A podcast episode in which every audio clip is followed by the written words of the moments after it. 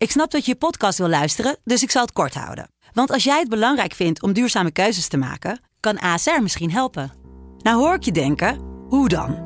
Nou, bijvoorbeeld bij het duurzaam herstellen van schade. Of de premies die we beleggen volgens ons duurzaam beleggingsbeleid. Dat bepaalt waar we wel en juist niet in investeren. Wil je meer weten over welke duurzame keuzes ASR maakt? Ga dan naar asr.nl slash duurzame keuzes. ASR doet het. Zo, dan kan je nu lekker naar je podcast luisteren.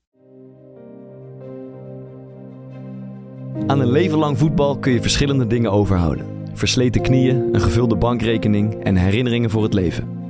Maar de mooiste erfenis is waarschijnlijk vriendschap. Dealmaker Rob Jansen begeleidde honderden spelers en trainers, maar slechts een paar daarvan schopten het tot zijn inner circle. Ze vinden elkaar in Haagse humor, Rotterdamse relativering en Amsterdam cynisme. Op Rob zijn favoriete foto pronken oude mannen met jonge zielen. Voetbalvrienden die elkaar en zichzelf met beide benen op de grond houden.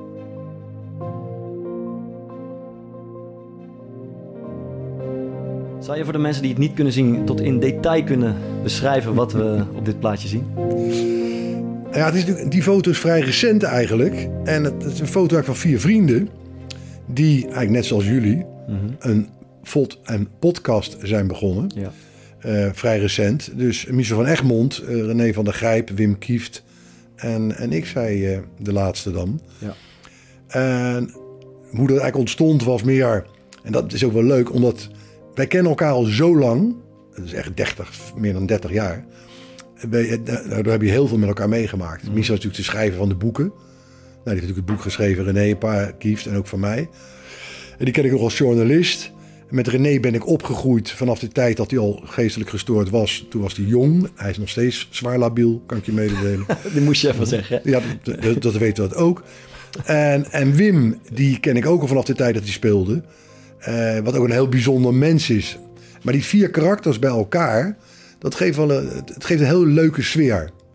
En toen we begonnen hiermee, we zijn nog steeds, kijk, jullie zijn nog veel ver gevorderder en veel succesvoller trouwens. Dat doen jullie heel goed. Moet je zoeken naar de juiste format. Je moet eigenlijk zoeken, wat is nou leuk? Ja, dat is niet zo makkelijk. Dat, dat zullen jullie misschien ook ervaren hebben in het begin. Ze vonden ons heel erg talentvol.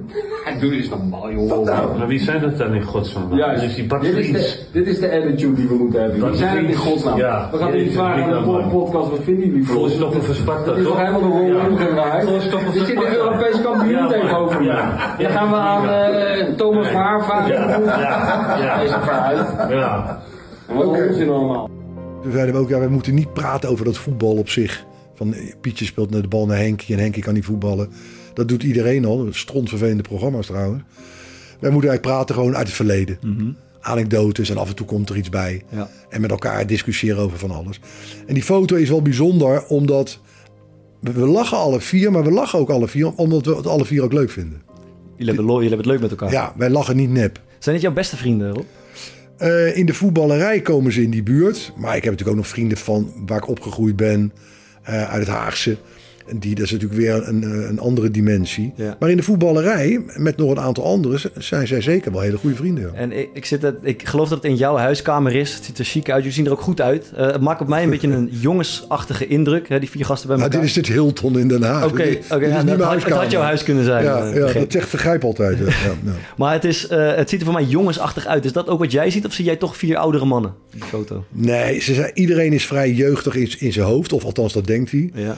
Ehm, en als je ook ziet hoe het met elkaar omgaat, met de wijze waarop we met elkaar praten en de humor en de flauwe grappen en het afzeiken.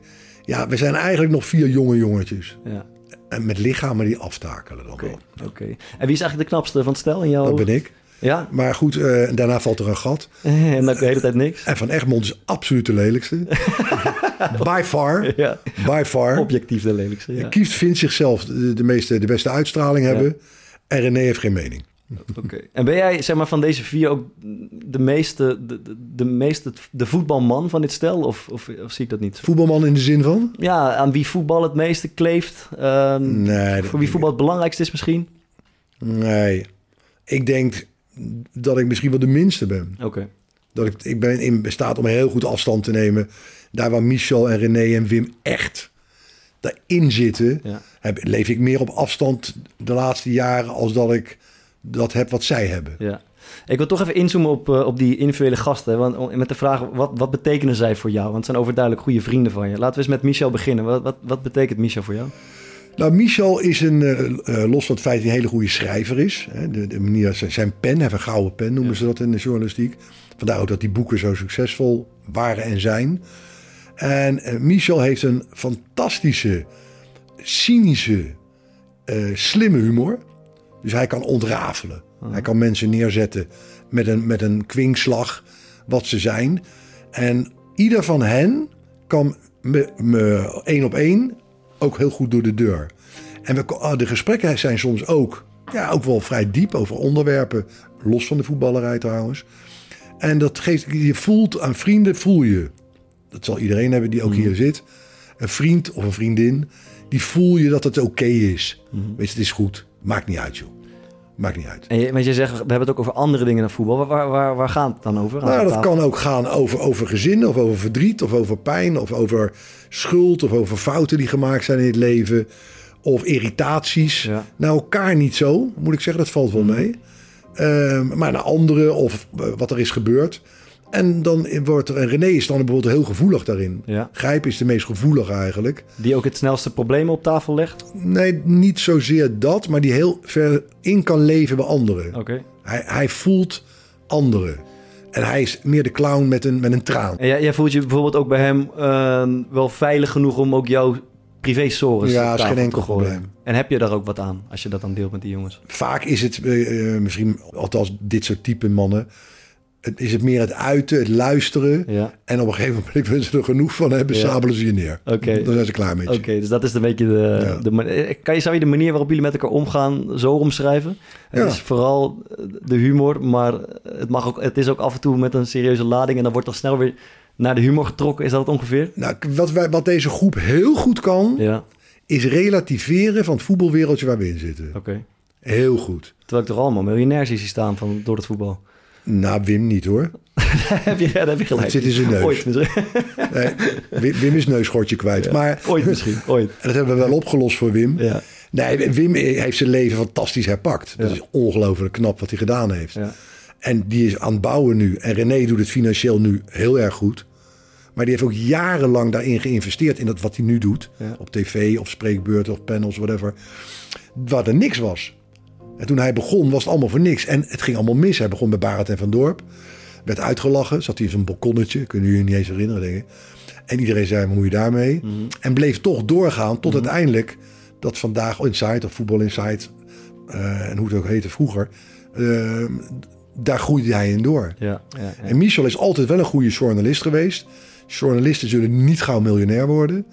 De boeken helpen wel een stuk om wat do- door te groeien. ja. U speelt überhaupt, eh, is geld een onderwerp van gesprek bij jullie? Is dat een belangrijk ding eh, met die gasten onderling? Ten aanzien van verdiensten? Ja, gewoon een, een onderwerp van gesprek. Een beetje pronken met, eh, met wat, wat er, Nee. eh, bereikt is. Dat soort Nee, dingen. nee, totaal niet. Oké. Totaal niet. En wat is eigenlijk jouw rol in, de, in die vriendschap van deze, van deze mannen? Nou ja, ik ben natuurlijk gegroeid ook eh, hun zaken te doen. Niet van Michel. Michel is- is autonoom, die schrijver, journalist.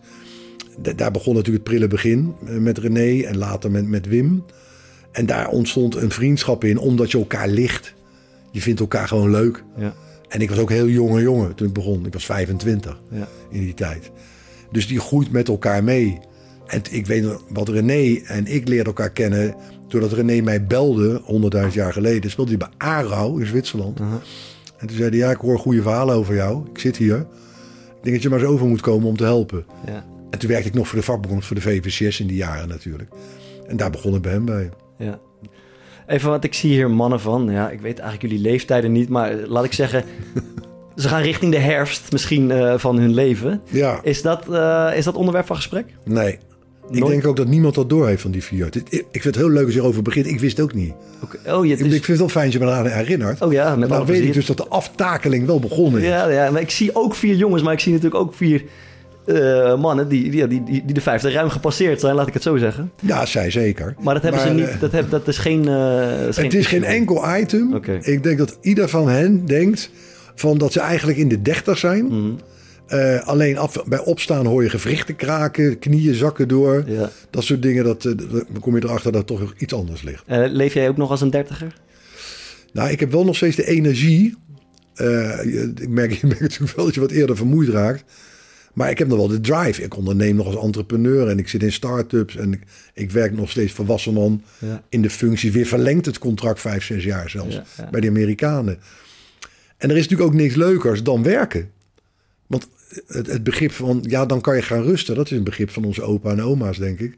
Die, die moesten heel hard werken om later te gaan rusten. Alleen dan werden ze ziek. Want ja, ze hadden te hard gewerkt waarschijnlijk. En die generaties werkten echt namelijk. Mhm. Bij ons is het een welvaartswereld. Oké. Wat, is de, wat is de gemene delen van deze gasten? Dat is overduidelijk voetbal. Dat Ja. is overduidelijk humor. Is er nog meer dan behalve dat? Totaal naar elkaar kunnen kijken van... joh, maak je niet zo druk en zo, zo belangrijk ben jij eigenlijk helemaal niet. En ontzettend om elkaar kunnen lachen. Ja. Gewoon echt down to earth. Niet denken dat je... Dat heb, ik heb dat altijd wel een kwaliteit gevonden in mijn hele leven. Want ik heb wel van de paplepel ingegoten door mijn vader en moeder. Ja jongens, doe relaxed. Als je goed gaat, gaat het je goed. Geniet er vooral met volle teugen van. Maar rustig. Want daar komt een ommekeer in ieder mens leven. Daar komt een weg naar beneden. Door leeftijd, door omstandigheden. En mijn vader zei altijd: hoe je mensen behandelt de weg omhoog, zal je ook behandeld worden de weg naar beneden. Hij zegt als je hem even meeneemt.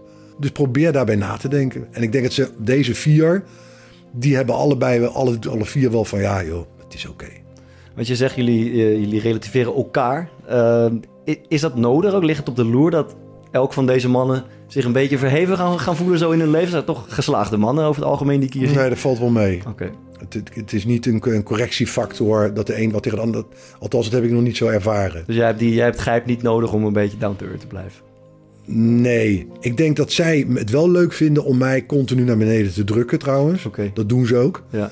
Dat genieten ze met volle teugen van. Mhm. Maar ik, dat is meer van, we vinden het leuk om hem te pakken. Oké. Terecht waarschijnlijk. ook. En 100% terecht.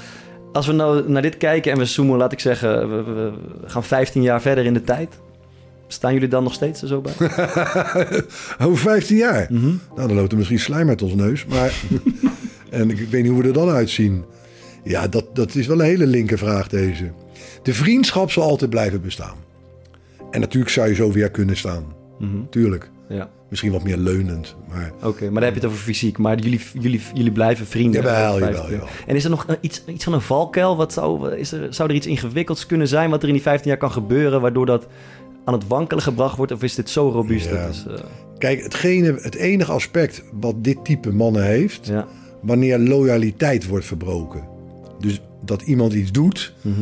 eh, dat is echt een beetje vriendschappen van, van, van die sportwereld, dat je loyaliteit verbreekt. Dat je iets doet, waardoor iedereen denkt, hoe kan je dat nou doen? Daar kwets je ons mee. Ja. En daar, ik weet niet een minuut wat dat zou kunnen zijn. Maar het loyaliteitsbeginsel is heel sterk in deze groep. Mooi. Er staat, eh, staat hier een gelukkig man, staat hier een blij man eh, aan de rechterkant met zijn ben- armen over elkaar. Ik ben altijd wel blij.